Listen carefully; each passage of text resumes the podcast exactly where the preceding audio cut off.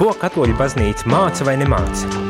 Klausies priesteru katehēzi katru darba dienas rītu pulksteni 9 vai atkārtojumā 11. vakarā.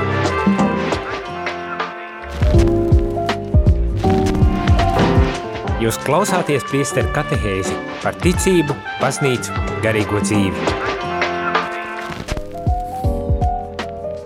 Labrīt, labrīt, radījumā arī klausītāji un arī skatītāji, kas jau ir piesākušies varbūt tās uh, YouTube um, šajā rītā esmu es studijā priesteris Jānis uh, Meļņakovs un uh, studijā, kas nozīmē, ka šaurīt jūs varat arī iezvanīt un uzdot savus jautājumus, un es ceru, ka jums ir daudz šādu jautājumu pēc pagājušās varbūt tās citādākas uh, nedēļas, katehēžu nedēļas, uh, Bet, protams, šajā rītā gan mēs atgriežamies jau atpakaļ pie, kā teikt, ierastām katehēzēm, jā, saprot, varbūt tās kādam tas, ah, tā gribētos vēl paturpināt kādas tādas, nu, nezinu, vieglākas formas katehēzes vai kā lai pasaka, bet nē, nē, šorīt mēs atgriežamies pie katehēzēm, kuras uzsāku pirms mēs ar Jolantu devāmies uz Latgali, uz maija dziedājumu ierakstiem, kuru laikā tad arī bija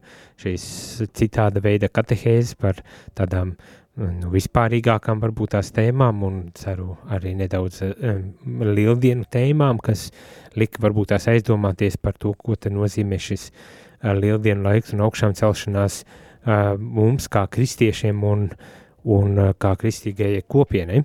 Bet šorīt mēs atgriežamies jau atpakaļ pie uh, Vatikāna otrā koncila dokumentiem. Jā, vēl joprojām pie tiem pašiem, es domāju, mēs vēl kādu labu laiku pie šiem dokumentiem arī uzkavēsimies. Bet atgriežamies tātad pie dokumenta, kas ir veltīts par reliģisko brīvību, dignitatis humani. Mēs jau uzsākām lasīt un dzirdējām pirms nedēļas dzirdējām tādus ievad atziņas un domas par reliģisko brīvību, protams, ka pamatu pamatos uzsverot to, kad reliģiskā brīvība ir viena no brīvībām, kuru uh, nedrīkst liekt uh, cilvēkiem, kas ir jārespektē. Uh, un, protams, kad uh, šajā reliģijas brīvībā ir ļoti daudz un dažādi aspekti, uh, kam arī pievērš vērību šis uh, dokuments. Arī mēs te šajā rītā nedaudz pār, pārlasīsim šīs um, atziņas vai, vai, uh, vai tematikas eh, aspektus, kuriem tad baznīca aicina pievērst īpašu eh, vērību un kādā veidā baznīca varbūt tās eh, skatās uz, šiem, uz šīm tematikām.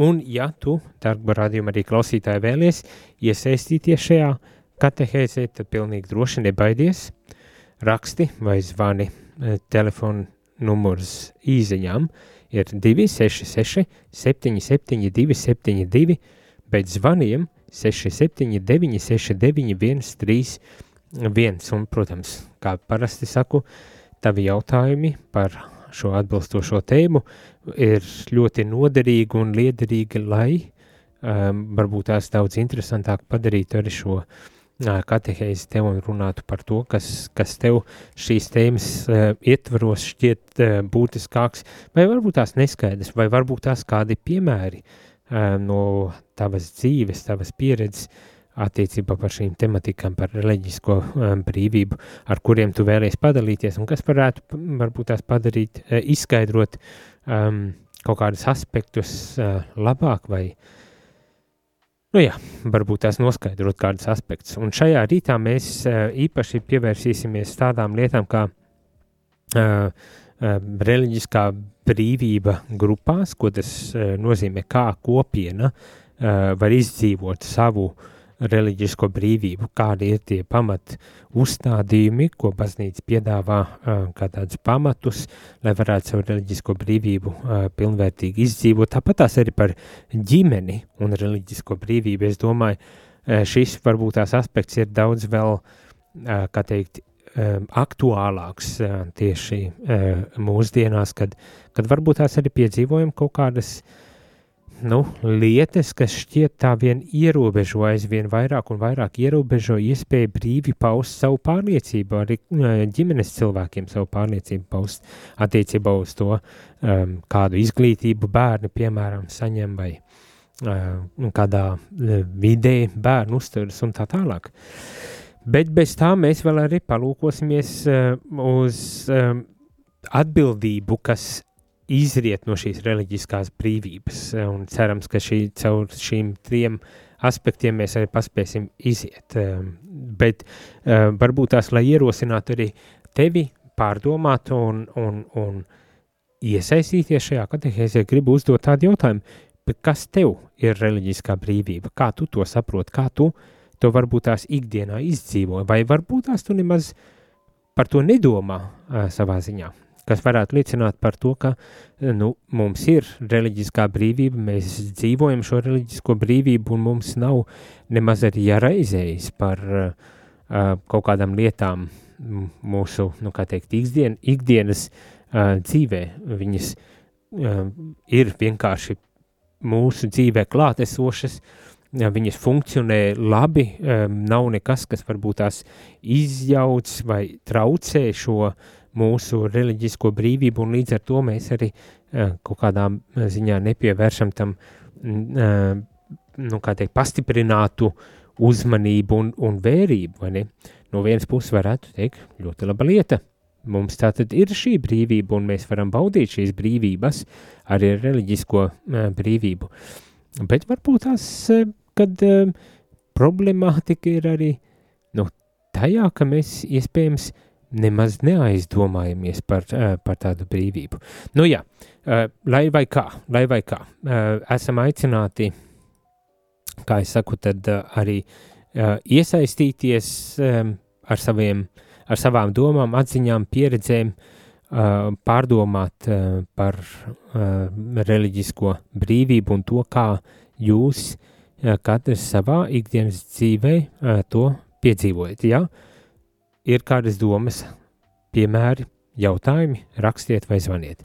Bet uh, tagad pievēršoties, um, teikt, pirmajam aspektam, par ko vēlējos arī runāt un, un pārlasīt šī dokumenta uh, par reliģisko brīvību atziņas, uh, tad mm, pievēršos tieši šim jautājumam, kas skar par reliģisko grupu brīvību. Jeb gribētos man pat varbūt tās teikt tā uh, reliģisko kopienu um, brīvībām. Kas te šeit tiek teikts? Gan cilvēks, gan arī pati reliģija savā būtībā ir sabiedriska un nosaka nepieciešamību pēc reliģiskas kopienu pastāvēšanas. Tad uh, cilvēks ir sabiedriskā būtne un, un tas no pats par sevi nu, liek mums domāt arī par tām attiecībām, kurās mēs uh, savstarpēji iesaistamies. Arī reliģija lai arī bieži vien tiek pasniegta kā individuāla personīga lieta, patiesībā ir kopienas, patiesībā ir sabiedrības eh, visa kopējā uh, lieta, ja, ja tā varētu teikt.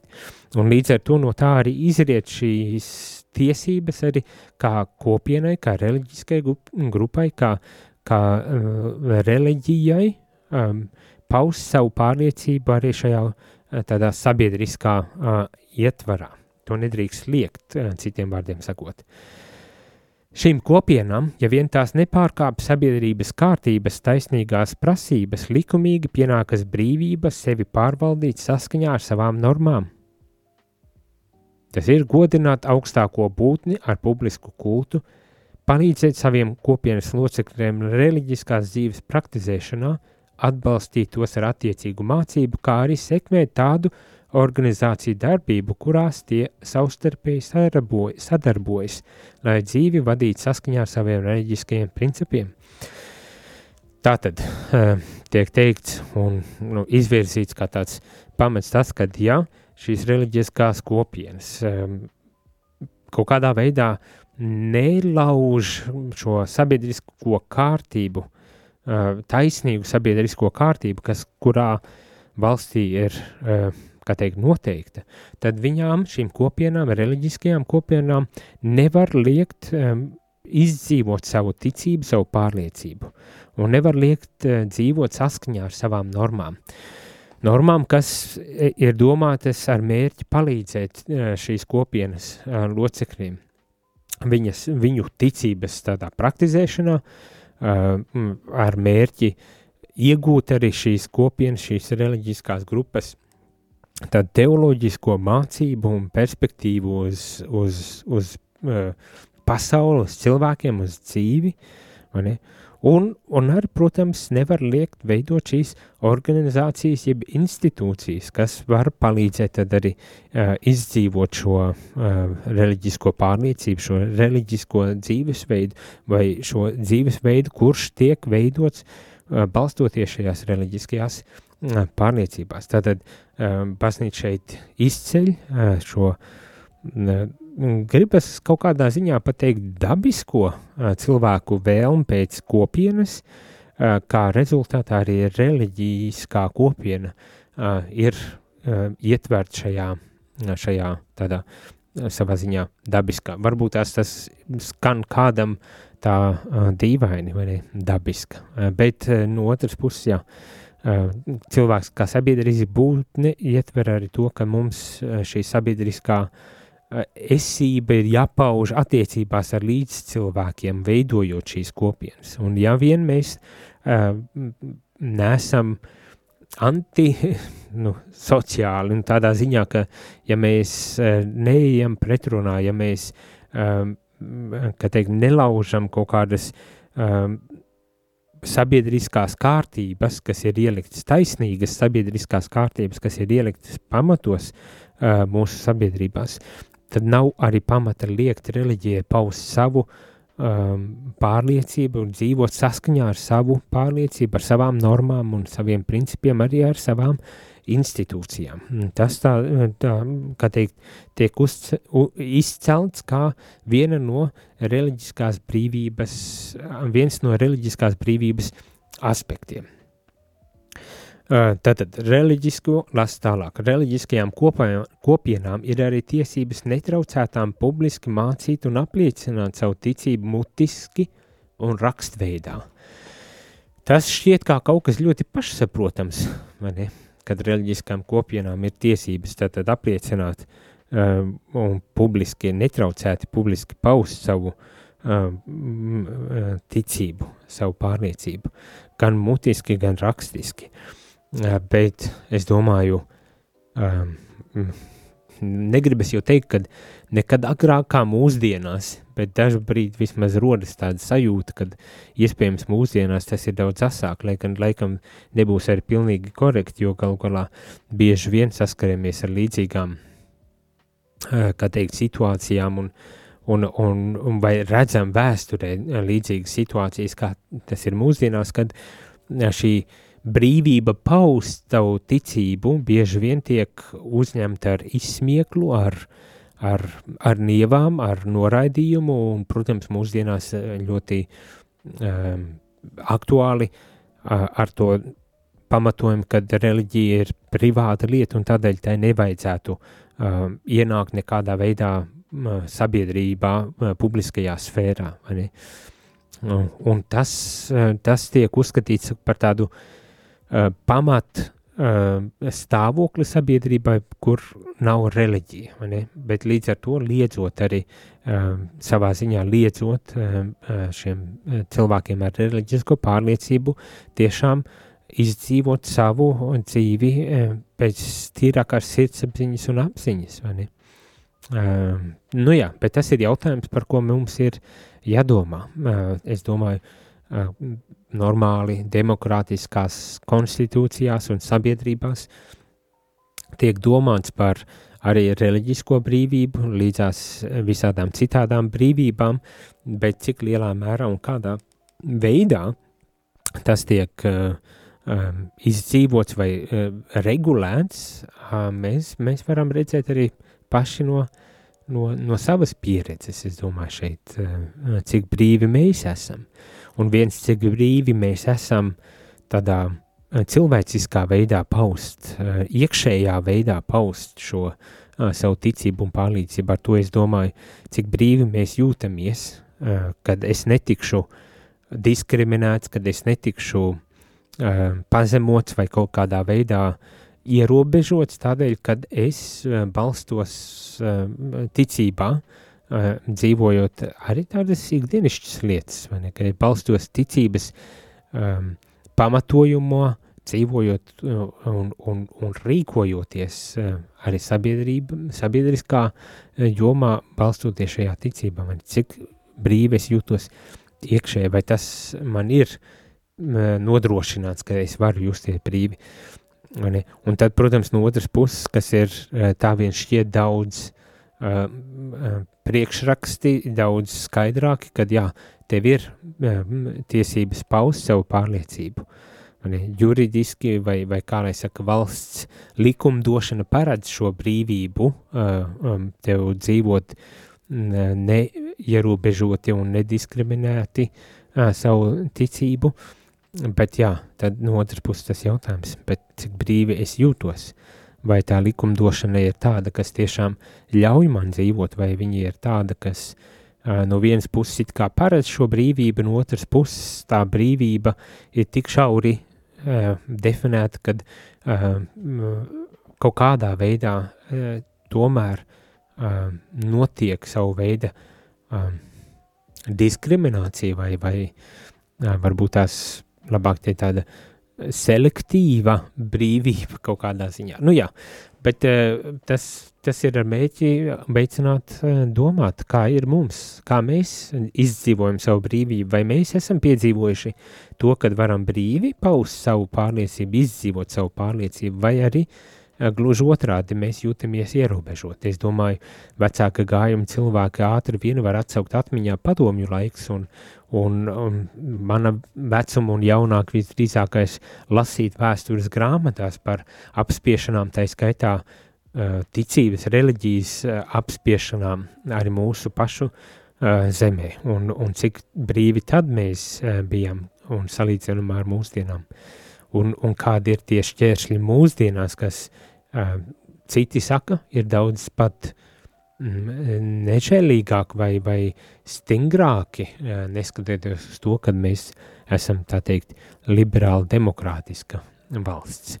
Nu jā, tādas dažas pārdomas un atziņas attiecībā uz šo, kur tiek uzsvērts tātad šis dokuments, Vatikāna otrā koncila, koncila dokuments uzsver kopienu arī tiesības, uh, cilvēkiem veidot vispirmām kārtām šīs kopienas un dzīvot saskaņā ar šo kopienu iekšējo kārtību, ja vien tas, kā teikt, neiet pretrunā arī taisnīgai sabiedrības uzbūvei valstīs, kurās nu, mēs arī dzīvojam. No otras puses, arī šis dokuments runā, ka tur, kur varbūt tās tā valsts likumdošana un valsts sociālā struktūra ir būvēta uh, netaisnīga, netaisnīga, kad ir arī, uh, kā teikt, rezistences iespējas, pretošanās uh, iespējas, uh, kur, kur var iestāties tomēr uh, par, par uh, noteiktiem principiem, noteiktiem likumiem un, un noteiktiem prasībām, tā skaitā arī, uh, kas attiec uz reliģijas brīvību. Nav tā, ka uh, um, jebkura, um, jebkura valsts teiksim, ideoloģija būtu akceptējama tikai tādēļ, ka tā ir valsts ideoloģija. Nē, ka mums ir jāskatās uz to, kas šeit arī tiek teiks taisnīgi, taisnīga valsts struktūra, kārtība, likumi.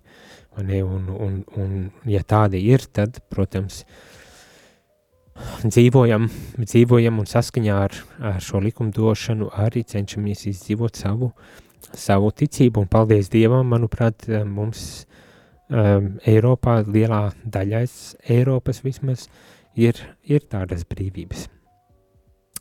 Um, Turklāt, lasu tālāk, ka reliģiskā brīvība nozīmē to, ka reliģiskajām kopienām netiek aizliegts brīvi atklāt savas doktrīnas īpašo vērtību tajā, kas attiecas uz sabiedrības organizāciju un ikviena cilvē, un ikvienas cilvēciskās darbības izdzīvošanu.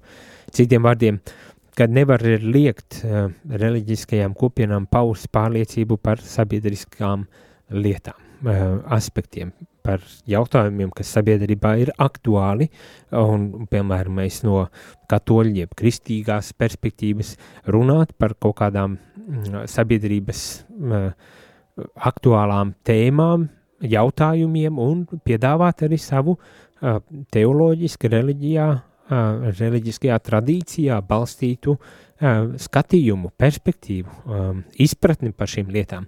Un, protams, tas nozīmē dialogā, sav, savstarpēji sarunājoties, risinot šos jautājumus, kādreiz varbūt tās pat kompromisus meklējot un tomēr ejot un, un cenšoties uh, Uh, pilnvērtīgi iz, izdzīvot un pilnvērtīgi izdiskutēt un risināt šos jautājumus. Un reliģija, es domāju, šajā gadījumā, kā arī ir arī daudzi, gribas teikt tā, uh, liberāli filozofi, kas uzsver, ka reliģija tomēr ir, um, ir tāda vērtība, kas sniedzas pāri vienkārši likumdošanām, birokrātiskām kādām struktūrām vai, uh, kā teikt, uh, sekulāriem principiem, kad bez reliģijas iztrūkst, nu, teiksim tā, dvēseli šajā sabiedrībās, un tādēļ nevar liekt reliģijā arī paust viedokļi par, par, par sabiedriski aktuālām tematikām, ne? Jo kas cits, ja ne reliģija mūsdienu sabiedrībās piedāvā paskatīties uz lietām no to jēgbūtības perspektīvas, vai ne, bet mērķa, jēgas, um, tās, tos jautājumus um, ļoti maz kas uzdod um, sabiedrībās. Un ja nebūs reliģija, tad vai vispār būs kas uzdošos um, jautājumus. Un tātad reliģisko pārliecību brīvību, brīvi, reliģisko pārliecību brīvi pulcēties un dibināt izglītojošas, kultūras, karikatīvas un sociālas apvienības. Tās ir, tā ir vēl viena brīvība, kad reliģiskām organizācijām, kopienām ir tiesības tātad šo brīvi organizēt un veidot um, izglītojušas, kultūras, karitatīvas, tad, tad uh, vērsties uz labdarību, žēlsirdību un sociālās apvienības, lai parūpētos uh, gan par savu kopienu, bet arī varbūt tās piedāvāt arī plašākai sabiedrībai šo, šo kalpojumu. Jā. Un kāds varbūt tās teikt, jā, bet nu, ir taču valsts, kas parūpējas, un tā tas tiešām arī ir valsts, kas rūpējas, bet nu, redzam arī mūsu sabiedrībās, ka ne vienmēr tas tik vienkārši notiek, un nevienmēr visi, kuriem ir vajadzīgs šis atbalsts, to arī saņem, un tādēļ ir labi, kad ir tādas nevalstiskās organizācijas, tā skaitā arī baznīca, kas, kas var iestāties un atbalstīt cilvēkus, kuri varbūt tas ir viss, kuriem vis, visvairāk ir vajadzīgs šāds atbalsts. Tālūk, iesim muzikālā pauzē, un tu, dārgo radījumu arī klausītāji, ja tu esi pieslēdzies un dzirdi mani, tad tu droši vari arī iesaistīties šajā sarunā, padaloties par to, kā tu piedzīvo savu reliģisko brīvību vai varbūt tās tās ierobežojumus. Un, protams, ja ir jautājumi, droši tos var rakstīt uz īziņu 266 77 272 vai zvanot 679 69 131 pēc muzikālās pauzes esam atpakaļ un tad jau runājam tālāk vai atbildam uz jautājumiem un pārdomām, kas būs ienākušas. Jūs klausāties priesteru katehēzi par ticību, baznīcu, garīgo dzīvi.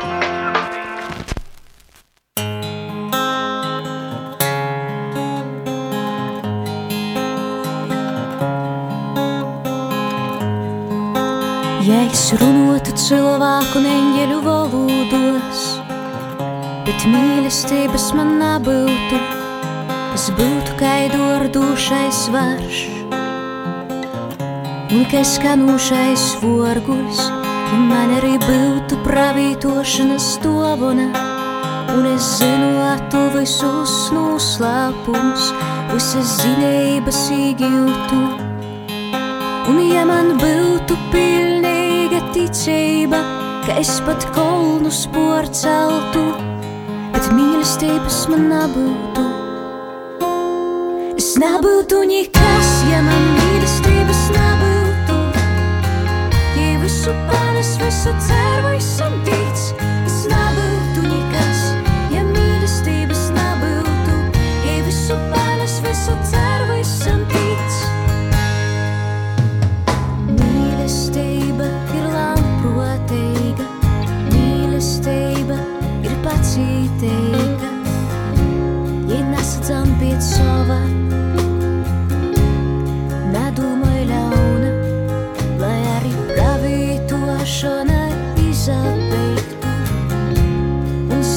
achanas cisgais, a camuça se não achanas.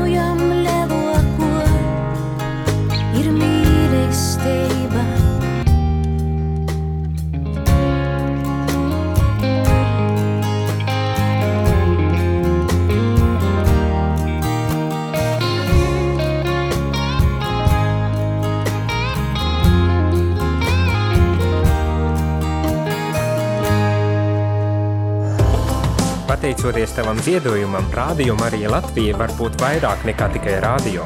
Zvani uz ziedojumu tālruni 900 67 69. Maksa par zvanu 4,27 eiro.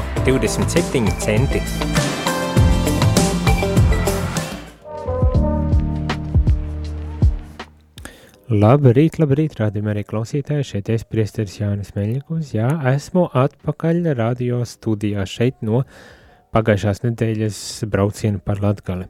Bija ļoti jauks brauciens un droši vien tādēļ arī tā uh, sanāca, kad ielikās uh, latgaliski ar šī skaistā uh, dziesma. Ceru, ka uh, tā tiešām pacēla mūsu sirdis. Manu katrā ziņā, jā, pēc šīs nedēļas garā piedzīvojuma par latgales māju dziedājumiem un, un katehēzēm ar uh, dažādiem priesteriem un klosteru māsu, Uh, jā, bija skaisti. Bet nu esam atpakaļ šajā rītā un atpakaļ esam ar sarunu par reliģisko brīvību, kas uh, tiek veidot balstoties uz uh, Vatikāna otrā koncila dokumenta Dignitatis Humani. Un uh, šajā uh, rīt cēlienā esam paspējuši parunāt par to, kad arī kopienām ir tiesības. Cilvēkiem ir tiesības veidot kopienu kā sabiedriskām būtī, bū, uh, būtnēm, un, un, protams, tā skaitā ar reliģiskajām kopienām, un kopienām ir arī tiesība organizēt iekšēji savu dzīvi atbilstoši normām, protams, nu, kā teikt, taisnīgu sabiedrīsko kārtību, um, neejot pretrunā šī taisnīgai sabiedrības, sabiedrības kārtībai, kas katrā valstī no arī ir uh, izveidota. Uh, Un, protams, ne jau visas sabiedrības ir uh, taisnīgas, ir, ir taisnīgākas un mazāk taisnīgas. Varbūt tās tāpat varētu teikt, ne? Um, nu, vēsturiski mēs zinām, bija komunisms ar mūsu, mūsu uh, valstī un redzējām un zinām, kādu postu tas ir nodarījis, un, un diemžēl joprojām šīs posts daudz viet pasaulē ir, ne, un tad, protams, līdz ar to atrast to veidu, kā tu vari brīvi izdzīvot savu reliģisko brīvību, kā tu vari varbūt tās arī uh, savā ziņā uh, pretoties šai kārtībai, kas ir netaisnīga un kas varbūt tās liedz tad arī uh, tavu brīvību arī baudīt. Nu, tādas lietas ir. Viens jautājums ir pienācis, kas saka uh, tā, Labrīt, ko darīt ar tām reliģiskajām kopienām, kas sludina maldus un cilvēkus ved prom no Kristus, piemēram, jehovieši, mormoņi un tā tālāk, vai arī saglabāt šo kopienu līdzās pastāvēšanu? Nu, redziet, lieta laikam ir tāda, kad man gribas teikt tā, kas ir par Kristu, kas ir par, eh, par Dievu, šajā kontekstā varbūt tās plašāk, eh, jāsaka, tas, kas nav pret mums, tas ir ar mums savā ziņā, kā Jēzus saka. Mums, nu jā, tas ir tas paradoks, ka mums pasaulē ir ļoti daudz visdažādākās reliģijas, un vienas reliģijas ietvarā ar visdažādākās kopienas un visdažādākās pārliecības eh, cilvēki un grupas, kas veido šīs grupas, vai ne cilvēki, kas veido šīs grupas, ir ļoti liela, liela dažādība, un, un nu jā, un ne viss ir, jā, viegli saskaņojams. Kāpēc Dievs tā ir pieļāvis, ka tas notiek, man būs grūti atbildēt, bet, nu, Dievs ir pieļāvis, un cilvēki savos meklējumos varbūt tās nonāk uh, cito, pie citām reliģijām, pie citām konfesijām, pie citām um, grupām, ticības grupām un kopienām, un, un ja vien viņi eh, meklē patiesi, meklē patiesību un tiešām meklē šo patiesību un, un ar tīru sirdsapziņu iet šo ceļu, tad mums nav tiesību liekt viņiem šo um, savu viņu brīvību paust atbilstoši uh, tam, kā viņi to te konkrētajā brīdī vislabāk saprot. Tas, ko mēs varbūt tās varam darīt, ir ar savu pārliecību, ar savu ticību dzīvot eh, tiešām priekšzīmīgu dzīvi un liecināt par Kristu. Un tad, ja varbūt tās ir iespēja, protams, arī paust to vārtos, paust to mm, publiski un skaidrot varbūt tās kādas lietas publiski, bet mēs nevaram, mēs nevaram uh, otram cilvēkam liekt viņa brīvību tikai tādēļ, ka mēs domājam, ka viņš maldās vai, vai ka viņš seko maldu mācībām. Mēs varam runāt, mēs varam skaidrot, un pats galvenais, mēs ar savu dzīvi varam dzīvot tā, lai liecinātu par patiesību, bet mēs nevaram nekādā ziņā vardarbīgi nevienam liekt viņa tiesības brīvi izdzīvot uh, viņa uh, um, arī ticības ceļu. Nu, tā tas ir. Uh, Kāpēc tā tas ir? Man grūti teikt, mēs varam tagad, eh, teikt, izdomāt vis visādas um, atbildes, un mēs varam uh, visādas pamatojumus tam dot. Grūti pateikt. Ir jātic, un es ticu, un ir jātic arī, uh, kā baznīca māca, kad, kad Dievs um, apbrīnojamos un uh, Un dažreiz varbūt tās ļoti, teiksim tā, mistiskos veidos ikvienu cilvēku eh, cenšas vest pie patiesības, un kad pienākot laikam šī patiesība tiks atklāta arī Kristu, gribas tā teikt. Eh, un eh, vēlreiz uzsverot, ka mums, kā kristiešiem, ir jādzīvo tā, lai ieraugot mūs, sastopot mūs, cilvēkam arī gribētos dzīvot to dzīvi, un to pārliecību, kuru mēs dzīvojam. Un visefektīvāk to var izdarīt tad, ja mēs tiešām rīkojamies tā, kā mēs runājam, ko mēs mācam. Un tad, ja vajag pielikt arī vārdus. Man šķiet, um, tā ideja uh, no Svētā Franciska vai no, no franciskāņu tradīcijas, un tas varbūt tās tāds um, teiciens, kad ir sludini savu ticību ar darbiem, un tad, ja vajag, pieliec arī vārdus. Kaut kā tā, tā doma bija? Un tas pilnīgi noteikti attiecas arī uz šādām situācijām.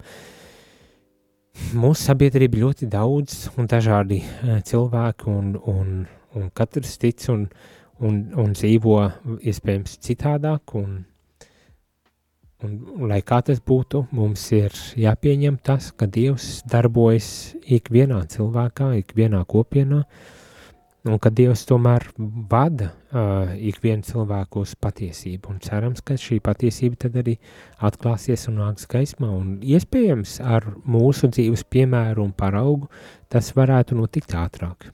Tā kā dzīvojam tā, lai tiešām skatoties uz mums, gribētos būt par kristieti. Un ja mūsu atbilde šai brīdī ir, jā, vai es tā dzīvoju, un atbilde ir nē, mainamies. Mainamies, lai būtu tā, ka citi, ja skatoties uz mums, sastopot mūs, esot attiecībās ar mums, arī gribētu būt kristieši, katoļi. Mm? Nu tā, ceru, ka tas atbild uh, vismaz kaut kādā mērā uh, uz, uz šo jautājumu, ko mums darīt. Nu tā. Bet paturpinot, nedaudz paturpinot uh, šo dokumentu, tagad pievēršu, pievērsīšos tādai tēmai kā ģimenes reliģiskā brīvība. Ļoti, ļoti aktuāla uh, tēma, un es domāju, ka daudziem no jums arī uh, būtu gan daudz jautājumu, bet vēl vairāk iespējams pieredzes stāsti uh, par to, kā jūs esat izdzīvojuši savu uh, ticību uh, ģimenē. Nu, viens uh, kopā ar saviem bērniem, protams, kā jūs esat izdzīvojuši, bet šeit tiek uzsvērts lielā mērā arī tas, kad ģimenēm ir kā pamat, vecākiem kā pamat aprūpētājiem savu bērnu ir arī tiesības līdz bērnu pieaugšanai nodrošināt viņiem tādu audzināšanu, kādu viņi uzskata par visatbilstīgāko un piemērotāko. Nu, un tā. Bet, nu, kas te šeit tiek teikts? Ikvienai ģimenei, sabiedrības daļai ar savām īpašajām pirmā, primārajām tiesībām ir tiesības vecāku vadībā brīvi organizēt savu reliģisko dzīvi ģimenes lokā. Tad, tad ikvienai ģimenei ir tiesības brīvi organizēt savu uh, ģimenes reliģisko dzīvi ģimenes lokā ģimenes ietverām vecāki ir atbildīgi par saviem bērniem, uh, un, un viņi ir arī tie, kas tad arī pēc savas izpratnes, pēc savas ticības uh, cenšas tad arī audzināt bērnus, cenšas izdzīvot šo uh, savu ticības dzīvi arī ģimenes lokā. Un tā, manuprāt, nav nekāda ārkārtēji jauna atziņa priekš mums, mūsdienu cilvēkiem. Uh, bet savā laikā viss šis, kas, ko mēs tagad lasām, ir tomēr bijis tāds neskaidrs. Mm, zinām, jau pašā sākumā lasījām eh, par to, ka, eh, nu, diemžēl arī kristieši vienā brīdī eh, savu pārliecību, savu ticību mēģināja ar varu pat uzspiest cilvēkiem, dodoties pāri okeāniem un, un, un, un nu, pat kaut kādā ziņā uh, iekarojot uh, jaunas zemes un, un, un ko teikt, piespiežot uh, ticēt, vai ne, tas netiek uh, uzskatīts par normālu uh, mūsdienās, vai ne.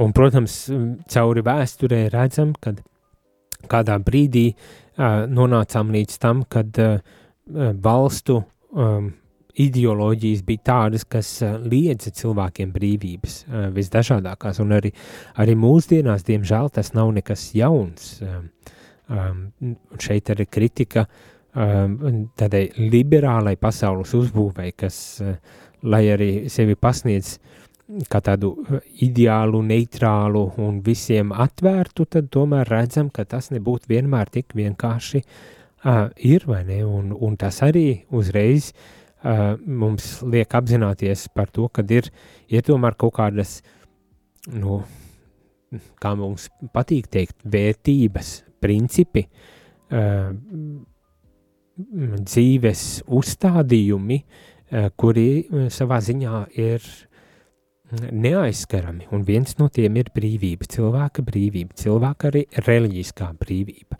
un, un, un tāda reliģiskā brīvība, kuru viņš var paust visdažādākajos veidos, gan individuāli, kā brīva personība, paust savu un dzīvot saskaņā ar savu ticību un paust šo savu ticību, protams, neaizskarot otru cilvēku uh, robežu, bet, kā zinām, brīvība vispār, brīvība beidzas tur, kur sākas otra cilvēka brīvība, un tas nozīmē mums jāmācas vienam otru respektēt, mums jāmācas vienam ar otru runāt un, un, un, un cienīt, un tas nebūtu nevienmēr ir tik vienkārši, bet tāpat tās uh, brīvība ietver arī to, ka mēs varam veidot kopienas, uh, tādas reliģiskās kopienas, baznīcu, piemēram. Un, protams, šeit arī tiek izcelts šis aspekts, kad uh, ir tiesības brīvi organizēt un izdzīvot savu ģimenes dzīvi atbilstoši tām pārliecībām, kuras, kurš nu, arī izvēlas. Atkal, protams, gribas uzsvērt, ka tā, tās nevar būt uh, tādas, kas iet pretrunā cilvēka, nezinu, um, cieņai, um, dzīvībai, um, jā, taisnīgai kaut kādai sabiedrības uh, um, uzbūvēi. Um, tad tas nav tāda pilnīga visatļautība. Es zinu, tas atkal varbūt tās izklausās, uh, ah, nu mēs jau pieķērām, ka tomēr tas ir ideoloģiski uh, domāts, bet, uh, bet nu, būsim godīgi. Uh, visur un visam ir savas robežas. Uh, un nav tā, ka ir pilnīga visatļautība. Uh, ikvienai, ikvienam dzīvesveidam, ikvienai pārliecībai ir noteikti principi, uzskati un dzīvesveids un, un noteiktas robežas, un, un, un tas ir jārespektē, tā ir daļa no mūsu cilvēcības dienas beigās, un tas ir jārespektē, un, un te, tas nozīmē arī, ka mēs respektējam katra cilvēka arī reliģisko brīvību un to, kā viņš um, grib izdzīvot savu uh, brīvību, reliģisko tā skaitā brīvību, gan kopienā, gan kā indivīds, gan arī kā ģimenes, kā ģimene. Nu tā. Vēl tāda atziņa no, no šī dokumenta noslēguma, varbūt tās atziņa.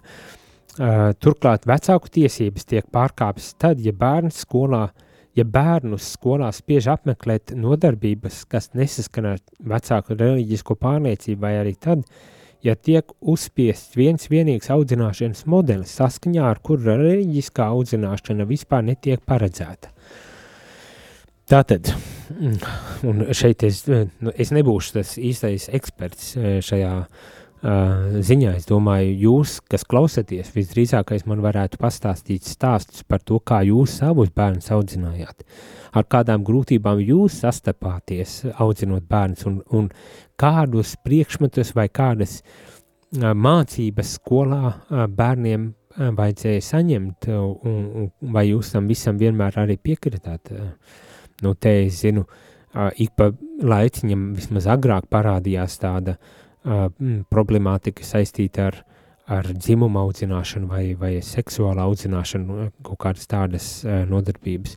Atceros vēl savā laikā skolā, kad biju, tad uh, man liekas arī bija veselības mācība, un bija tāds priekšmets veselības mācība, un cik es sapratu, kad ne visi vecāki bija apmierināti ar šādu priekšmetu, jo, protams, kad mācība, mācība šī veselības mācība arī ietvēra jautājums, kas saistījās ar, ar seksualitāti un, un kontracepciju un, un visādām tādām lietām, kas mums kā kristiešiem, protams, ir uh, um, nu, ļoti jūtīga tematika, vai ne?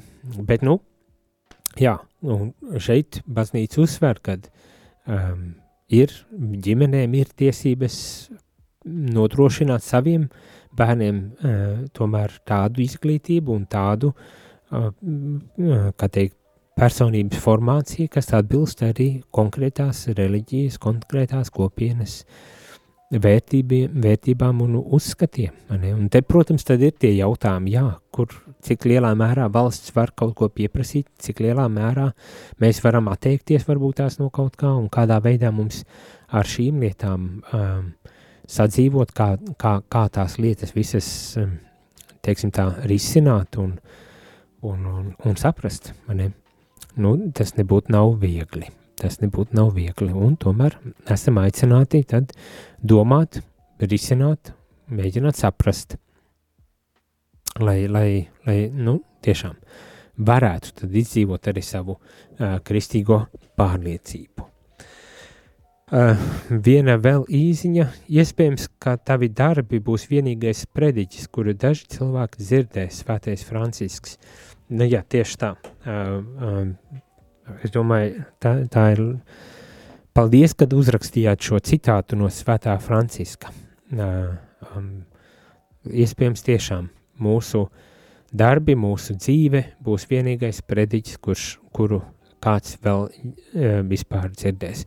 Un jāsaka tā, dažreiz tā vien šķiet, ne tikai tas neatiec tikai uz tiem, kas ir ārpus baznīcas, bet arī baznīcā. Iespējams, ka uh, priesteres prediķi uh, nav tie, kas uh, cilvēkus uzrunās un mainīs, bet mainīs priestera dzīves piemērs un liecība, arī tas, uh, cik lielā mērā priesteris būs spējis cilvēkiem dot cerību un drosmi dzīvot savu ticību. Nu jā, esam visi vienā laivā, un uh, visiem mums ir jāmēģina nokļūt otrā krasta pusē, ja tā var um, uh, simboliski runāt.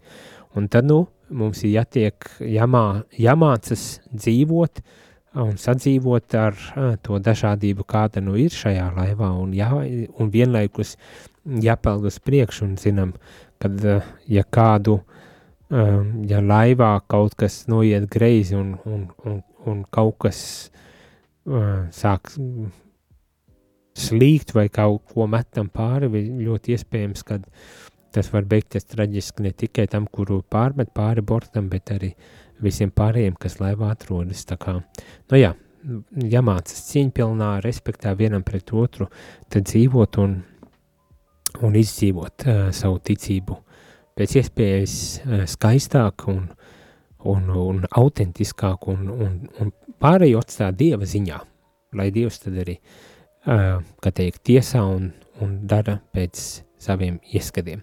Nu tā, bet šis rīts, uh, es tā saprotu, laikam es ļoti daudz uh, norunāju, aizrunāju šajā rītā. Ir, diemžēl jānoslēdz šis rīts, būsim atpakaļ jau rīt no rīta, tad arī paturpināsim šo reliģijas brīvības tematiku un nu, nav mums aiz kalniem vairāk arī marietons laiks, kad mēs īpaši pievērsīsimies um, lūkšanai, bet arī ziedojumu vākšanai, priekš rādījumu arī uzturēšanas un, un, un attīstības, gribas tā teikt. Um, tā kā sekojam līdzi, pieslēdzamies, atbalstam ar lūkšanām, bet arī ar ziedojumiem un, un tiekamies tiekamies eh, ne tikai rīt, bet daudzus, daudzus gadus uz priekšu ar jūsu atbalstu mēs arī tiksimies. Tā kā, lai skaisti šī otra diena.